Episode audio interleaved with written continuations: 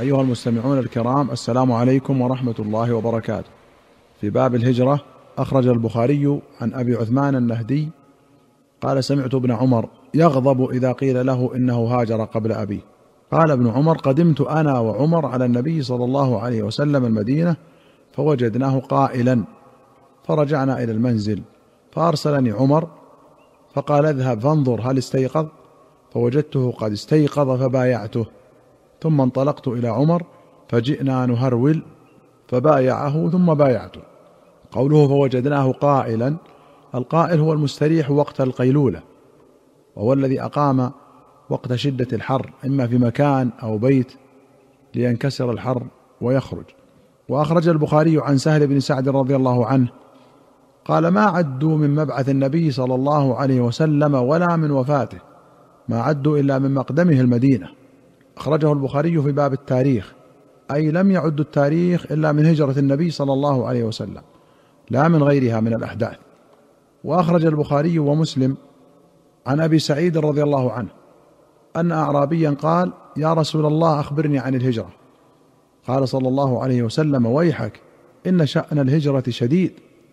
فهل لك من إبل؟ قال نعم. قال فهل تؤدي صدقتها؟ قال نعم. قال فهل تمنح منها؟ قال نعم.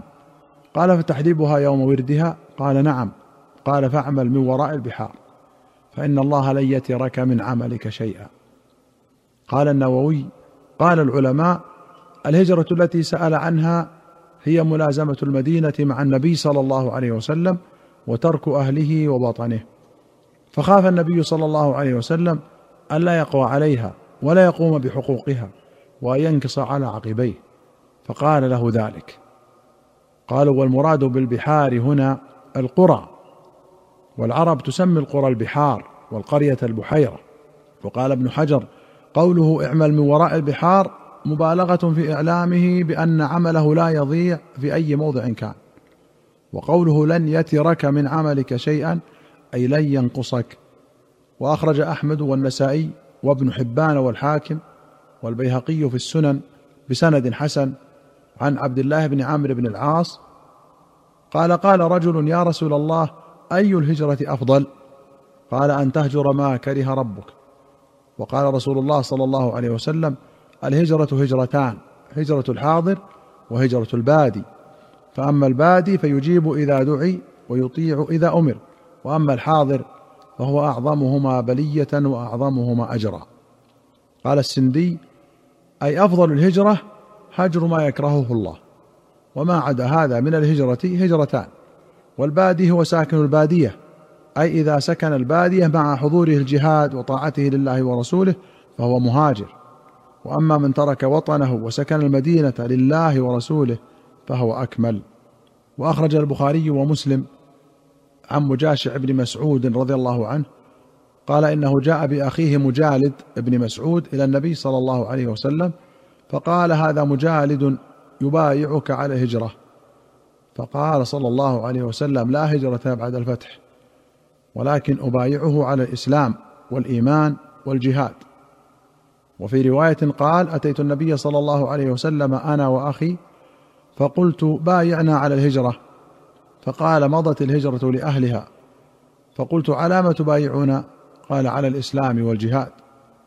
وفي أخرى قال أتيت النبي صلى الله عليه وسلم أبايعه على الهجرة فقال إن الهجرة قد مضت لأهلها ولكن على الإسلام والجهاد والخير.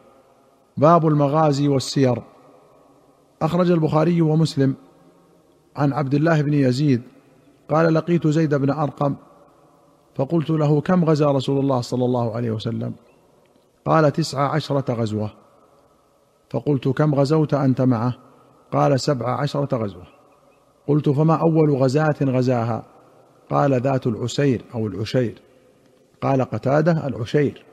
وأخرج مسلم عن جابر بن عبد الله رضي الله عنهما قال غزوت مع رسول الله صلى الله عليه وسلم تسع عشرة غزوة. لم أشهد بدرا ولا أحدا. منعني أبي.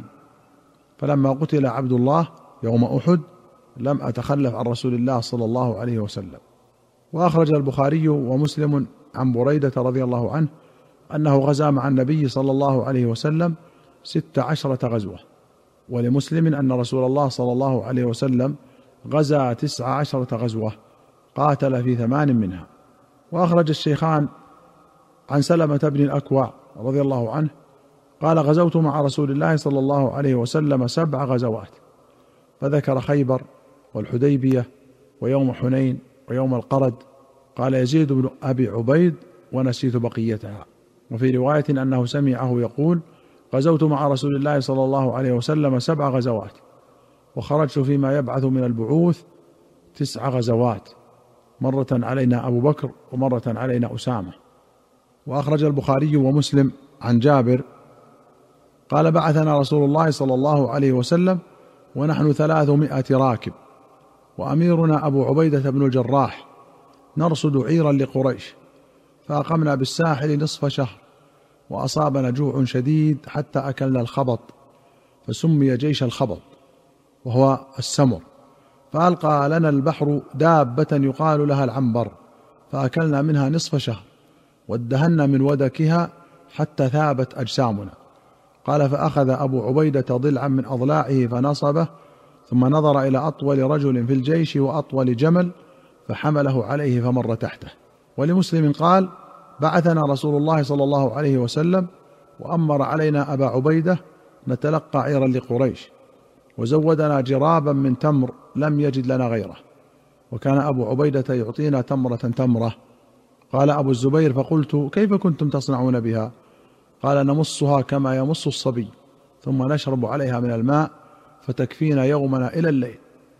وكنا نضرب بعصينا الخبط ثم نبله بالماء فنأكله.